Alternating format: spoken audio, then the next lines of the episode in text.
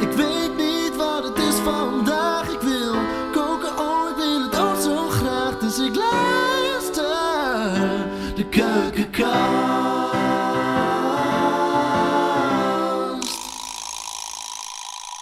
Een aflevering vanuit de Bourgogne. En dus over Franse kaas. Maar ook een beetje over Nederlandse en Italiaanse. En wie weet welke nationaliteiten er nog voorbij komen. Voor Marie Maris, die vis nog vlees eet, behoort kaas tot de meest onmisbare ingrediënten.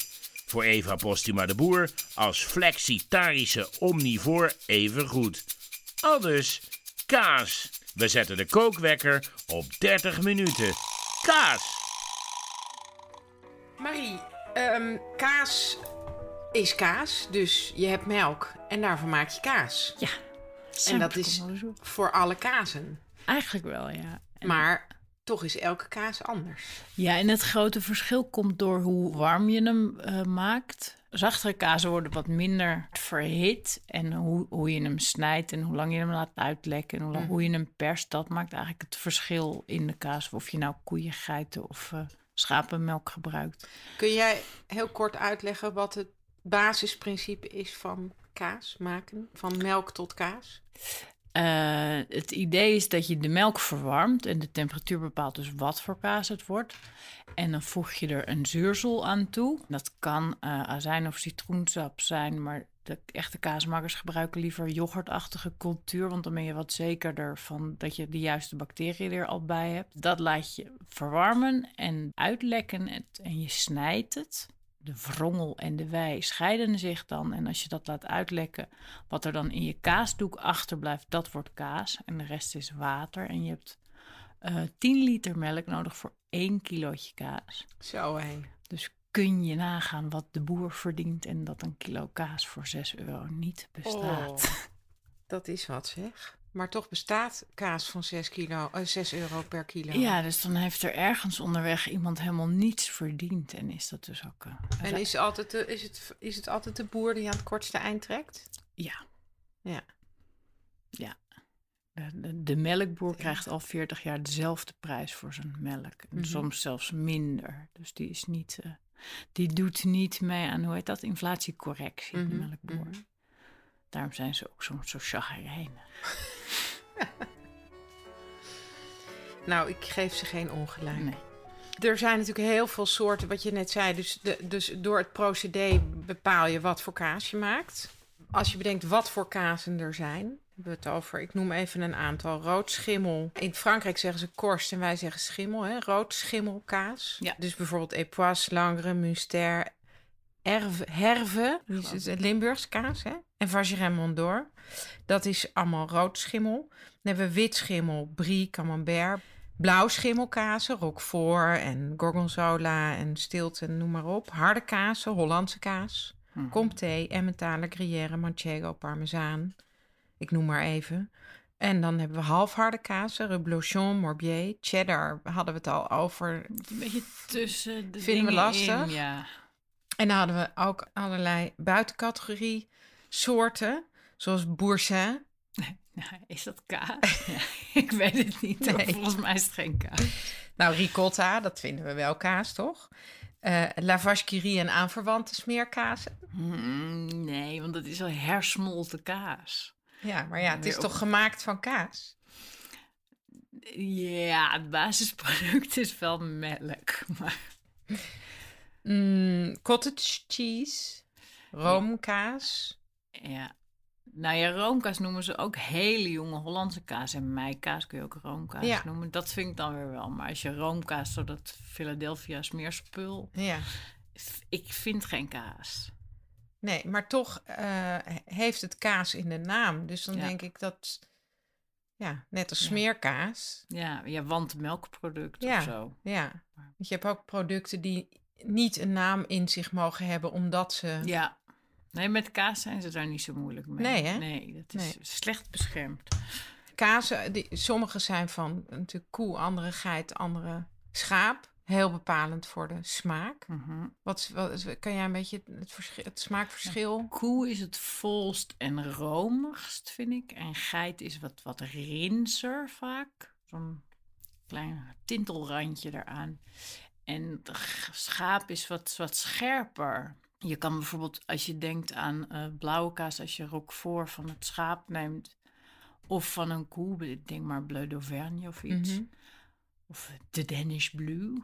Ik weet niet of je dat nog wel eens ergens ziet, maar dat is heel romig, terwijl een roquefort is heel scherp. Dan Mhm. kan je heel goed het smaakverschil, denk Ja. ik.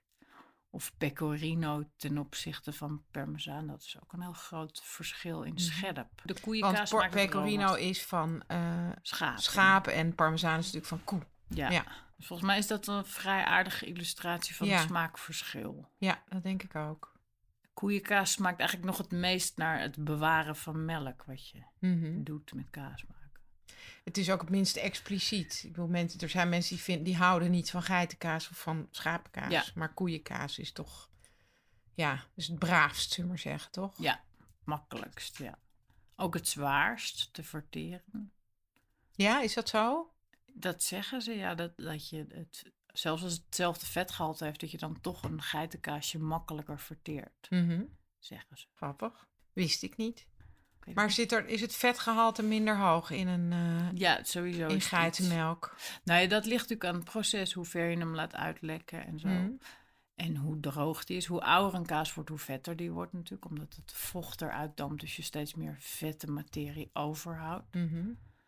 Dus het, dat is niet per se gezegd dat geitenkaas altijd minder vet is. Jij bent natuurlijk een enorme tegenstander van supermarktkaas. Ja. Dus kaas moet eigenlijk een keurmerk hebben.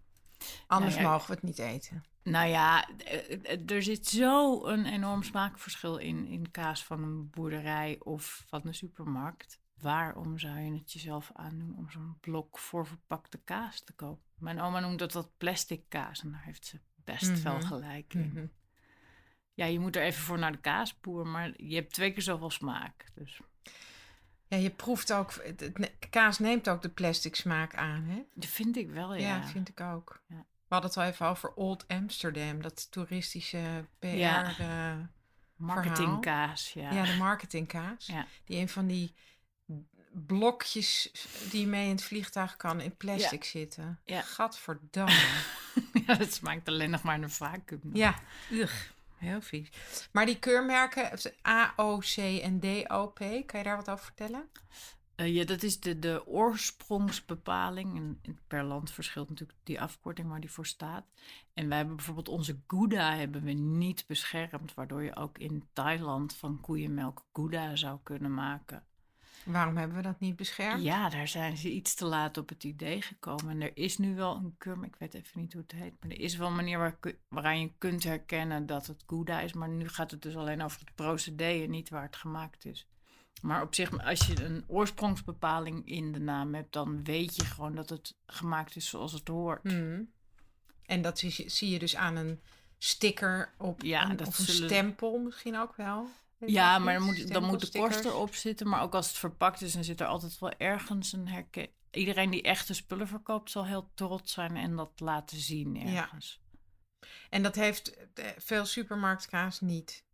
N- bijna niet, nee. Dus als je in de supermarkt iets koopt, dan moet je koop dan Ja, in ja bijvoorbeeld wel parmezaan mag echt alleen maar Ja. parmezaan heten als het Ja. daar vandaan komt. En Ja. anders heb je nog Reggiano, wat op zich ook gewoon echte kaas is. Hmm. En als er dan een verzonnen naam die een beetje als parmezaan klinkt, dan mag je het. Er is een groot Nederlands kaasmerk die dat doen. En dat klinkt dan een beetje als parmezaan, maar het is gewoon iets heel anders. En het smaakt ook echt Ja. niet zo. Dat smaakt gewoon naar hard plastic. Ja. En ehm, als je Hollandse kaas hebt, wat is die ah, boerenkaas? Hoe krijgt dat? Hoe, wat is dan het verschil? Ik bedoel, als je ervan uitgaat dat je alle kaas van de boer koopt, wat maakt boerenkaas zo boers? Hoe Eh, is dat? dat moet met rauwmelkse eh, kaas is dat. Dus dat wordt minder sterk verhit, waardoor het, eh, die, die smaakvoller blijft. Aha. En, en andere kaas is, van, is gepasteuriseerd. Dus dat is eh, sowieso een verschil. Maar dan doen ze dus ook weer het boeren noemen. Mhm. En dan mag het weer wel wat je maar wil zijn. Hoe bedoel je wat je maar wil? Je hebt ook fabriekskaas die boerenkaas heet. ja. Maar dat is geen rauwmelkse kaas. Dus eigenlijk geen boerenkaas. En hoe krijgt die dan zijn boerensmaak? En dan niet echt. Die smaakt ook niet Nee, zo die heel smaakt ook niet zo heel boers. Nee, dat is waar. Dat Maar- valt altijd zo tegen. Ja. En boerenkaas fluctueert heel erg. En dat wil een fabriekskaas wil dat niet. Die wil Nee. dat het het hele jaar precies hetzelfde Ja. smaakt. En je hebt echt van, van één en dezelfde kaasboerderij kan je vijf keer per jaar een totaal andere kaas Ja. hebben. Dus die moet je ook altijd proeven. Soms vind ik ze ook niet zo lekker. Nee. En dan de keer erop ineens weer heerlijk. Ja. Maar dat is ook het leuke natuurlijk. Het komt gewoon van buiten. En als het heel droog gras is geweest dat ze aten, dan proef je dat terug in je Ja. kaas. Als Ja. het goed is. Neem jij als je naar Frankrijk gaat uit Nederland kaas mee?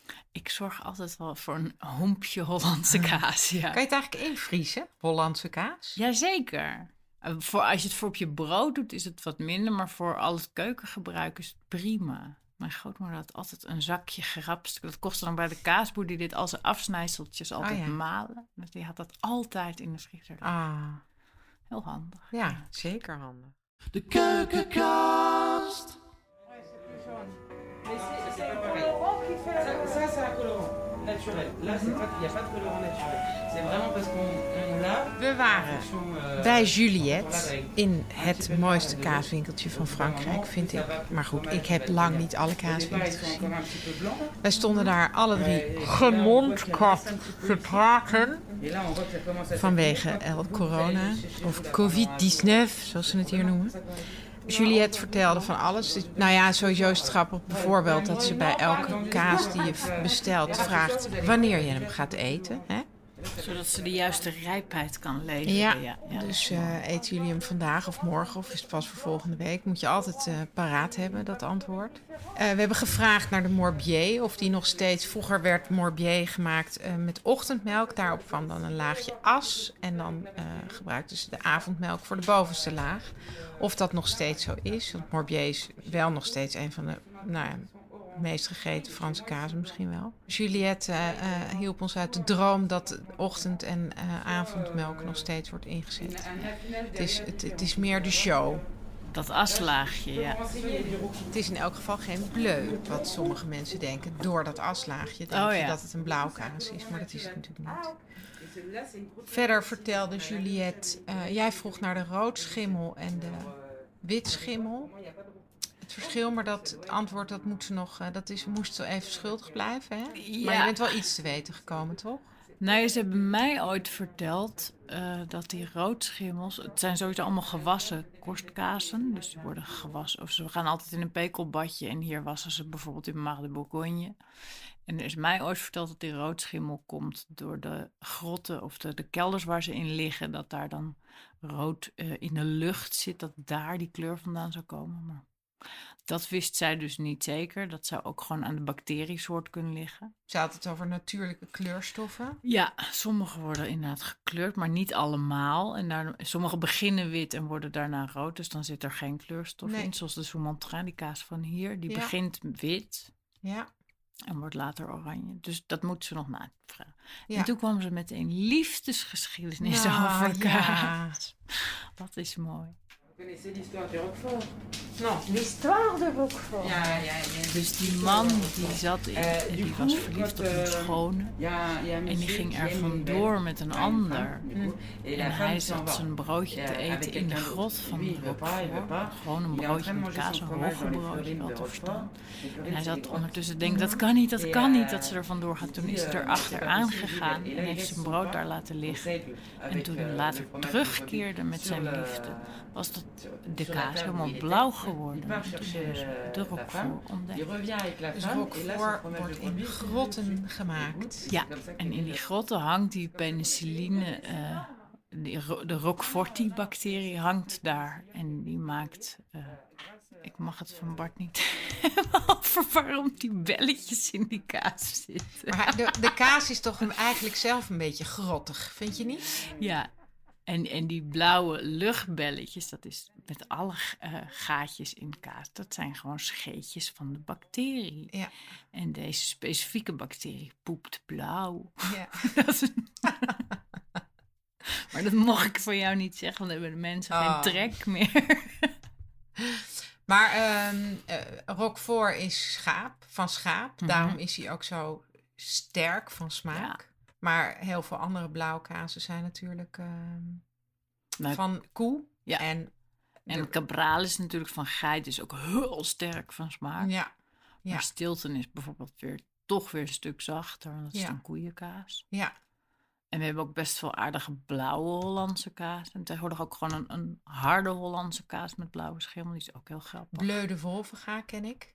Uit Ja. Friesland. Heerlijk. Heb je ook, ja. Delfts blauw. Ja, is ook een, gewoon een Hollands kaasje met blauw, blauw ader. Geweldig.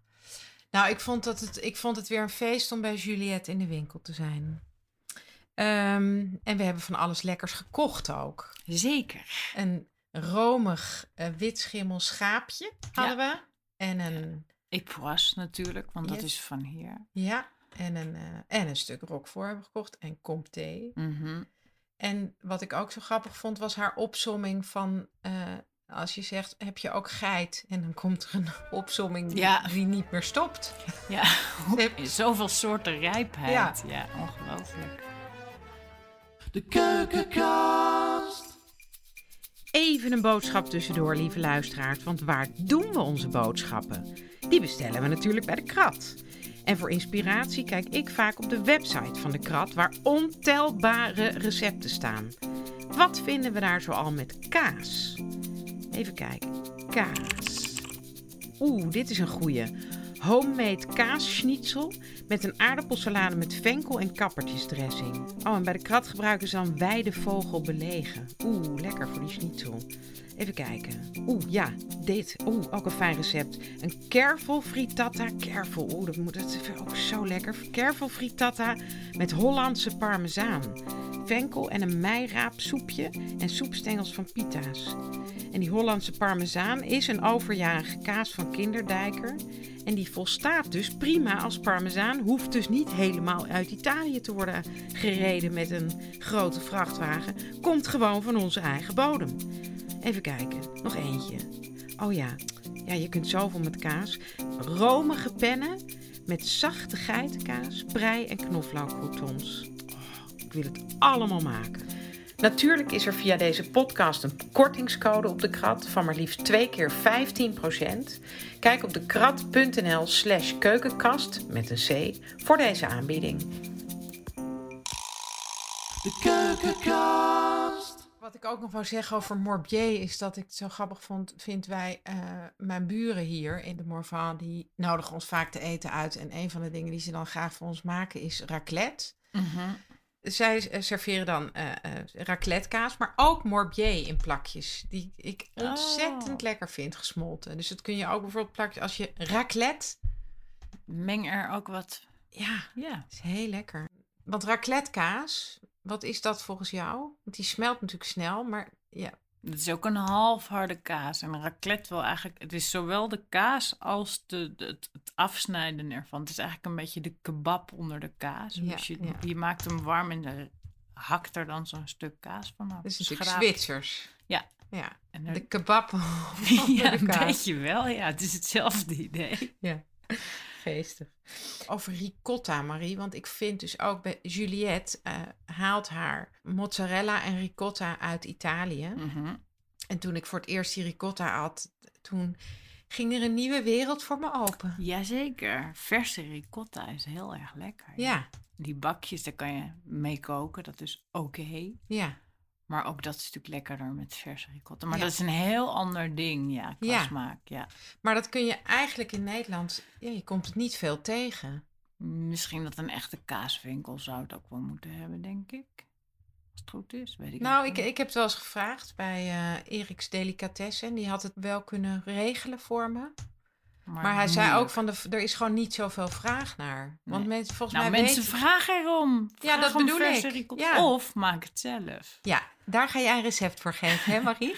Dat krijgen we zo meteen, mensen. Ehm, mozzarella is natuurlijk eigenlijk hetzelfde als met ricotta. Als die echt vers eh, mooi gemaakt is. Dat is natuurlijk wel...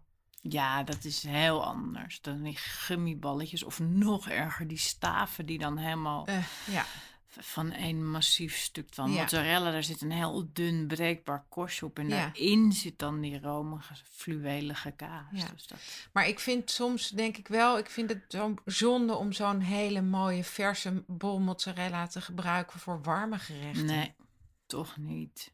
Vind je- jij het verschil ook ja, dan? je proeft het Ja. echt wel. Ja, Of zeker als je het op pizza of zo, het is echt zo anders. Ja. Gewoon doen, gewoon het lekkerste nemen dat je ja kan gewoon toch dat iets meer uitgeven. Ja, En dan gewoon weer even een dagje geen vlees. En dan heb je dat geld allemaal weer bespaard. Kaas moet chambreren. Heb ik Ja, jou zeker. horen zeggen? Kun je daar nog eventjes wat over vertellen? ja, op koelkasttemperatuur proef je hem gewoon veel minder. Dus je moet hem een half uurtje. En in de zomer is dat echt wel genoeg. In de winter zou je zelfs een uurtje kunnen rekenen. Dat hij gewoon smaakt naar zichzelf in plaats van naar je koelkast. Ja, maar je moet hem ook weer niet de hele dag buiten laten staan. want dan gaat dan het, hij gaat het lopen. ja. lopen of zweten nog erger. Ja, Nee, een half uurtje is oké. ik bedenk me nu dat mijn vader vaak eh, bij vrienden die eh, op bezoek waren geweest hier in Frankrijk. Dan deed hij stiekem een, st- een stuk Franse kaaswijs in de achterbak. zodat ze halverwege de terugreis of al eerder Oh. dachten, wat stinkt het hier toch? Dat is echt slecht. dat is echt mijn vader. Maar goed, ik weet niet eh, waarom ik daar nou ineens op kom. Ja, kazen die gaan lopen. Een epois bij iemand in de auto stoppen stiekem. Oh. Ja.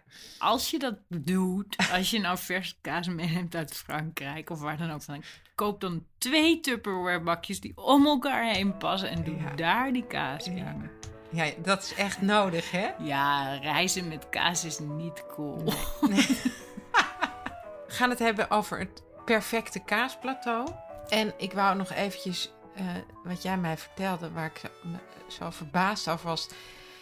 Fransen eten dus twee keer per dag kaas, heel vaak. Vooral Mhm. op het platteland, waar mensen warm eten, eh, s smiddags om 12 uur. En dan zeggen ze dat ze s'avonds een lichte maaltijd eten. Dus dan, eet- dan eten ze ook wel een lichte maaltijd, maar wel altijd weer met kaas na. Ja.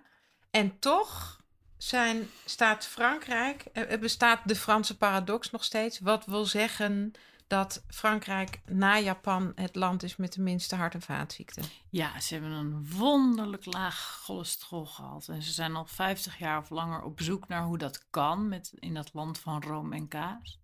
En men vermoedt dat er misschien een verband is met het glaasje wijn dat je bij je kaas drinkt, want zuur breekt vet af. Dus heel misschien is dat het. Het is geen betoog om een liter wijn bij je kaas te drinken, maar een glaasje wijn zou heel goed kunnen dat dat ermee te maken heeft. En ze zeggen toch ook wel eens dat kaas goed is, net als yoghurt na de maaltijd voor de spijsvertering. Ja, maar dat ligt natuurlijk ook wel een beetje aan. Dan is een roquefort denk ik inderdaad een beter idee dan een hele bak vol vette koeienkaas. Maar Ja, ja. Maar die wijn is eigenlijk het meest steekhoudende argument tot nu toe, hè? Er is gewoon geen verklaring voor. Nee. Maar het is heel gek dat in een land waar zoveel eh, dierlijk vet geconsumeerd wordt, zo weinig cholesterolproblemen zijn. Relatief dan, hè? Het is bizar. Ja. De keukenkast. Maar ehm, die kaas die ze dan eten, die, eh, dat plateau, Mhm. hoe doe jij dat? Wat, wat is volgens jou het perfecte kaasplateau? Nou ja, het, het idee is dat je een, eh, een volledig smaakpalet aanbiedt. Dus je moet iets, iets zachts en romigs en daar tegenover iets harder en pittigers en een halfharde kaas en eventueel een blauwschimmel. En dat kan je ook in één soort zoeken. Je kan ook een heel vers geitenkaasje doen en een heel rijpe en een echt een hele harde oude of een kruidige. Dan heb je ook al een compleet palet. Maar het gaat erom dat je van alle smaken iets biedt. Mhm. En vaak doe je dan een, een stukje wit schimmel van de, de simpele brie of camembert of een brie à savarin of een meikaasje. Een crème de Bourgogne. Een crème de bourgogne kan zeker ook. En dan een, een half harde, een comté of die morbier waar we het over hadden. Mhm. En dan een iets pittiger, dus een beaufort of een comté, dat soort kaasjes. Een oude dan misschien wel. nou, comté dat is dan je tussenvorm, een Ja, ja. gruyère, dat soort Ja, kaas. ja, ja. En dan een, een bijvoorbeeld Hollandse kaas is ook heel geschikt voor een kaasplateau. Dan kan je ook van een stukje brokkelkaas is ook een heel mooi om het af te maken. Mhm. En ze doen altijd heel ingewikkeld over de volgorde van je kaasplateau. In een goed restaurant ligt het, als het goed is, al op volgorde. En dan wordt het met de pink aangewezen. Ja, de ping. En dan gaat het van, van heel licht naar de, de sterkste. En dat is meestal de blauwe. Ja. Maar ik vind het soms ook heel lekker om met die blauwe te beginnen, Ja. omdat je daar eigenlijk dan trek van krijgt. Ja. Als je steeds een stukje brood tussendoor eet, dan... Maakt het ook niet uit. Nee. Slokje wijn. Als je maar niet met een hele vol vette begint, want dan slipt je tong een soort dicht en dan... Dat vind ik niet zo'n goed idee. Maar voor de rest, Nee. doe vooral wat je Ja. lekker vindt. Ja. En niet te veel. Vijf, maximaal zes soorten, Ja. vind ik. En met een klein toastje of plakje dingetje stokbrood erbij. Ja, in principe hoe saaier, hoe beter de kaas tot zijn recht komt, geloof ik. Mhm. Maar ja, soms is zo'n vijgenbroodje dan ineens toch ook wel Ja, weer heel ja, lekker. ja. Dat, ja, dan moet je ook een beetje van je humeur af laten liggen. Ja. En van de kaas ook waar het bij. Ja. Als je zo'n hele scherpe, droge blauwe hebt, dan is ook een, een beetje kom, vijgenkompot of zo ook heel lekker. Kweeperengelei. Ja, de membrio. Ja. Ook fijn, ja. Ja, dat past heel goed bij iets heel scherps. Ja. Maar ook bij een heel romig kaasje ook weer. Dat knapt er juist een beetje. Dat gaat een Ja. beetje open ervan. Ja. Dus ja, doe gewoon wat je lekker vindt. Ja. Ja. En dan moeten we misschien ook nog even zeggen dat het Franse woord fromage komt van forma voor vorm. En Nederlanders snijden altijd heel lelijk in hun kazen. Maar je moet gewoon echt keurig dat taartpuntje eruit halen. Zodat je altijd iets van het binnenste en iets van het buitenste hebt. Aha. Dan, dan eindig je ook niet met alleen maar zo'n lullig stukje. Aha. Dat platte stuk, dat mag eigenlijk helemaal niet. Dat je alleen maar zo'n uitgedroogd stukje korst overhoudt. Je moet Ja. altijd een, echt zo'n puntje, zo'n triviant puntje zal ik maar zeggen. Het gaat erom dat je kijkt naar de vorm van de kaas en hem dan altijd zo snijdt dat je iets van de korst en iets van het binnenste hebt. Mhm. Mhm. En niet met een lelijk korstje eindigt. Nee. Maar dat kan dus alleen als je bij de kaasboer koopt. Precies. Dus allemaal naar de kaasboer. Weer een goede Ja. Marie, jij gaat vertellen hoe je ricotta maakt. Ja, dan moet je dus wel eerst kaas maken. Want de ricotta is herkookt. En herkookte wei in dit geval. Want je wrongel heb je al kaas van gemaakt. Maar in die wei zitten ook nog allemaal kaasdeeltjes. En dus ja, je moet wel eerst kaas maken. Ik zal dat recept ook op de, op de pagina plakken. Maar je zit dus met 9 liter wei. En dat is zo zonde. Dus wat je dan doet, eh, is eigenlijk die wei, die schenk je door een kaasdoek. En dat laat je 12 tot 24 uur staan om weer te verzuren. Dus we moeten het op kamertemperatuur doen, niet in de koelkast, want dan gebeurt dat niet. En daarna verhit je hem tot 93 graden. En dan blijf je steeds roeren vanaf de bodem. En dan op het moment dat die 80 graden wordt, begint zich een wit laagje te vormen. Maar je gaat door tot het die 93 is. En je blijft steeds losroeren van de bodem, want anders gaan die kaasdeeltjes aankoeken. En omdat er nog zuur in zit, gaat het opnieuw weer zich scheiden en komt er weer wrongel los. En het schenk je door een zeef in een doek. En dat moet je een niet al te fijne doek nemen, want die loopt heel snel voor, omdat het zo fijn is. En dat laat je gewoon uitlekken en dat is het eigenlijk. Maar dat kan wel drie uur duren en dan heb je, als je dan op een gegeven moment kijkt, heb je zo'n, nou ja, een, een lapje vol met ricotta. Dat is het. Ja. Wat grappig zeg. Dus het, het begint met het water dat je over hebt van het kaas maken. Ja, en dat laat je eerst nog eventjes rustig verzuren en dan verhit je het weer. Ja, en dan ja, schenk je het weer door een doek. Het is heel erg simpel eigenlijk. Dus dan heb je, die, dan heb je eindeloos in 9 liter vocht staan roeren. Hoeveel ricotta hou je dan over? Nee, dat duurt niet zo heel lang. Oh. Dat roeren van, van 93 graden, dat is een kwartiertje of zo. Oh, oké. En, dan, dan, en dan pruttelt het nog door? Of wat, wat gebeurt er dan als het eenmaal Nee, die als die 93 graden 93, dan zet, dan zet je het uit, dat vocht, en dan schenk je het door die niet al te fijne kaasdoek. Oh ja. Oh ja. En dan scheidt het zich vanzelf verder. En dan haal je die ricotta over. Ja, en dan heb je dus weer wijn, maar daar zitten nog maar zo weinig melkdeeltjes in. Daar kan je eigenlijk niks meer mee. Je kunt het wel drinken, dan heb je Rivella. Wei is natuurlijk niks anders dan Riv eh, Oh. Rivella is gewoon dat met een smaakje Ja, erbij. ja, Dus ja, als je daar een ja. beetje siroop... Maar zo is het ook wel lekker. Het is heel fris. Wat grappig. En die, en die ricotta die moet dan afkoelen? Want die... En, En, die zou je nog kunnen persen. Dan heb je van die harde ricotta, hoe heet dat ook alweer? Ja. En, en je kan hem ook nog weer eh, in een pekelbadje leggen of zo. Maar die, die Ja. verse ricotta, die eet je dan in principe zo. En je kunt hem natuurlijk ook nog op smaak maken door er kruiden doorheen te doen Ja. of zo. Of een kruidenolie. Ontzettend lekker. Maar goed, je moet eerst kaas, kaas maken. maken. Ja. Je moet er wel de tijd voor hebben, hè? Ja, en, Ja. Maar, en dat water, dus daar kan je eigenlijk verder dan niks meer mee. Maar je kunt het wel bijvoorbeeld gebruiken nog weer voor soep. Dat krijgt dan iets rinssmaakje. Ja. Of door Ja. voor het water voor als je brood gaat maken of zo. Ja. En het andere dat je kunt doen met wei is Weerters echte maken. De snoepjes. De snoepjes, ja. En hoe doe je dat dan? Daar zit ook zo'n heel vaag zuurtje nog Ja. aan. Dat, dat is dat, dat melkzuur dat je Dat maken proeft. ze daarmee. En het, het is heel leuk Oh. werkje. Wat leuk. Alleen het inkoken is Maar goed, we hebben dan dus kaas gemaakt. Toen hebben we ricotta gemaakt. En toen, toen gingen we... Maar dat was een week vakantie, zeg maar. Ja, het is wel iets voor een dag dat je niet iets heel belangrijks anders hoeft te Ja, doen. ja. Wat had jij voor recept nog uitgekozen? Eh, om niet om kaas te maken, maar om kaas te verwerken, eh, hebben we ook nog eh, heb ik een recept. Omdat je dan misschien die mozzarella gaat maken met aubergine, mozzarella rolletjes en salade met tuinboden. Hmm. Ja, dat zou ik dat ook gewoon site, want anders hebben we geen tijd meer voor jouw recept. Oh, nou ja.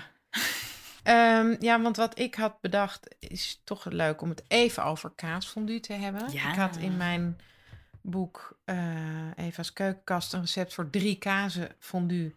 Namelijk met gruyère, emmentaler en gorgonzola. En wij hadden het er al eventjes over of je nou bij kaasfondue... eh volgens in Oostenrijk moet alles tegelijk in de pan. En dan breng je het heel rustig aan de kook. Volgens Ja. mij is het, het belangrijkste, grootste geheim van kaasfondue... dat je het heel langzaam opwarmt. Ja, vandaar ook dat je er vaak zo'n dikke, zware, liefst dubbelwandige pan voor Ja. gebruikt. Ja, want dan, gaat het, dan kan het binden. Ja. En, ehm, maar ik heb het, ik, ja, ik, in mijn recept, dat heb ik van een, ehm, een, eh, een chef die een kaasfondue restaurant heeft gehad in Amsterdam. En die maakt, die verwarmt eerst de wijn. Ehm, en dan eh, met een beetje geraspte knoflook. En dan, eh, zodra de wijn eh, zacht borrelt, dan gaan de kazen er één voor één bij. En dan een beetje maizena. Dan ben je Wat er. trouwens ook nog heel fijn is als je kaas van maakt. Een theelepeltje zuiveringszout. Oh, wat doet Op dat? laatst baking soda. Moet je dus wel een hoog genoeg pan hebben, want het gaat ongelooflijk bruisen. Ja. Maar dat voorkomt die klont in je maag. Oh, Dan dat krijg geeft je het gebruis lucht. in de pan in plaats Oh, van in je wauw. Ja, dat, Ja. is- scheelt enorm. Dat is een goeie en dat proef je niet terug. Nee, Krijg nee, je echt niet- een theelepeltje Ja, op ja. een vierpersoonspan. Nou, wat een goeie. Oh ja, en wat belangrijk natuurlijk is, volgens mij, is dat alles op ongeveer dezelfde temperatuur start. Dus niet een fles gekoelde witte wijn en eh, met eh, kaas op kamertemperatuur. Maar ik zou, ik zou, ik begin alles op kamertemperatuur. Ik weet Ja. hoe jij dat doet. Ja, dan voorkom je dat schist. Ja, precies. In de lijn van kaasfondue wat ik hier wel eens maak... en volgens mij ook bij jou en Bart in, in het noorden van Frankrijk wel eens heb gegeten... is de Vacherin Mont d'Or. Ah, oui. Oh, dat vind ik toch lekker. Dat is kaasfondue waar je niets meer aan hoeft te doen. Dat is de romigste kaas van de wereld. Ja. En die is dan gerijpt in een werkenbastje. En die kun je dus ook zo in de oven schuiven. En Ja. dan heb je ook kaasfondue. ja, dus dat is een kaasje. Dat ziet eruit als een... Je hebt ze in, in kleine mate, grote mate... in een camembert doos, noem ik het maar eventjes. Ja, maar dan hoog. Maar dan hoog en dan haal je die deksel eraf en dan is het dus... De, de randen zijn met dat berkenblad belegd. En daarin zit die... Het is een, een schimmelkaas, hè, dus het is net als een brie of een camembert, zeg maar. zit zo'n laagje omheen. En dan kun je er... Nou, je kunt Je hem in... breekt bovenin een, een kuiltje, kuiltje, door het ja. laagje. En daar moet dan een scheutje witte wijn in. Maar dat hele bakje gaat gewoon in de oven en dan smelt hij en dan zet je het op tafel met eh, stokbrood en klaar ben je. Maar het is er niet het hele jaar, hè, van Raymond door. Nee, want de bergkoeien die zomers voldoende kunnen grazen om grote kazen zoals Comté en Gruyère te maken, worden van oudsher bij de eerste sneeuwval van stal gehaald. Want de kaas mag maar geproduceerd worden van 15 augustus tot 15 maart. Dus ze eten alleen hooi, die koeien, Want het zijn stalkaasjes en daarom hadden ze niet zoveel melk, omdat ze minder aten. Aha. En daarom zijn het kleine kaasjes. Dan maken ze in de zomer van die, met diezelfde koeien maken ze die hele grote kazen. Nou, ik vind het echt een... eh, Ja, het is heel fijn. Zo, wat is dat lekker. Ja, echt fantastisch. Nou, verder had ik uit mijn boek nog een recept. Een open lasagne met kantarelle en ricotta. Ik dacht kantarelle omdat we nu in de zomer zijn. En die ricotta, ja, die... Nou ja, ik zal het ook op de, op de site zetten. Maar wat ik daar heel belangrijk bij vind, is eh, de citroenzest. En dat doe ik trouwens ook heel vaak bij mozzarella. Ja. Vind ik ongelooflijk lekker om een beetje citroenrasp over de Mm. kaas te doen. Ja. De keukenkast. Je hebt wel feta. Die wordt gemaakt van de melk uit de buik van lammetjes.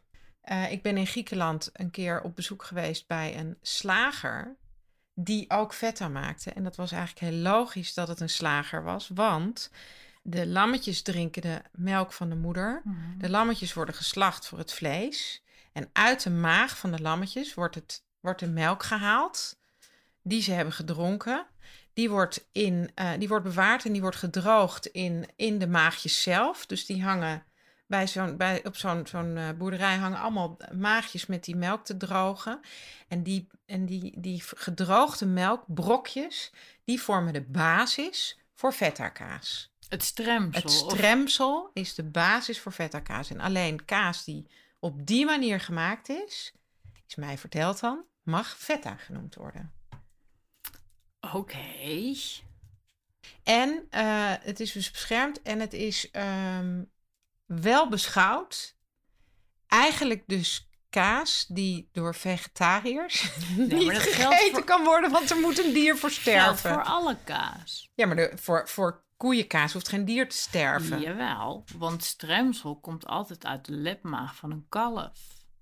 Er gaat, al, er gaat altijd een beetje stremsel bij de kaas om hem eh, die stevigheid te geven. Je kan wel alleen met zuursel maken, maar dan krijg je nooit de stevigheid van bijvoorbeeld Hollandse kaas. Daar is gewoon. Maar ja, je hebt twee of drie druppels nodig Ja. voor een kilo kaas. Ja. Dus het is helemaal niks. En zolang er eh, mensen kaas willen eten, gaan er ook eh, k- kalfjes dood. Want die mannetjes koeien, die geven gewoon heel weinig melk. Dus die Ja. heb je dan een soort over. Als Ja. je, dus dat is nou eenmaal zo. En je kunt ook wel op een vegetarische manier stremmen. Dan maken ze het met gist, dat stremsel. En we kennen iemand die ook beweert dat koosjere kaas, want die beweert dat er ook stremsel van varkens gewonnen wordt. Maar daar heb ik nog nooit van gehoord. Nee. Je hebt ook tegenwoordig vegetarische kaas van cashewnoten. Maar daar gaan we het verder maar niet over hebben, denk ik. Want ik heb hem één keer geproefd en ik hoef het er verder niet over te hebben. Nou ja, kaas maak je van melk, niet van cashewnoten of van soja of amandelen. Ja, zo is het. Kaas maak je van melk. Ja, En de koeienbel is gegaan. Dus we ronden af. Dit waren Eva en Marie uit de Morvan in de Bourgogne. Over kaas. Hartelijk proost. En we hebben de koeien in ons uitzicht staan. Dag, koeien. Dag koeien, dag mensen. Tot de volgende.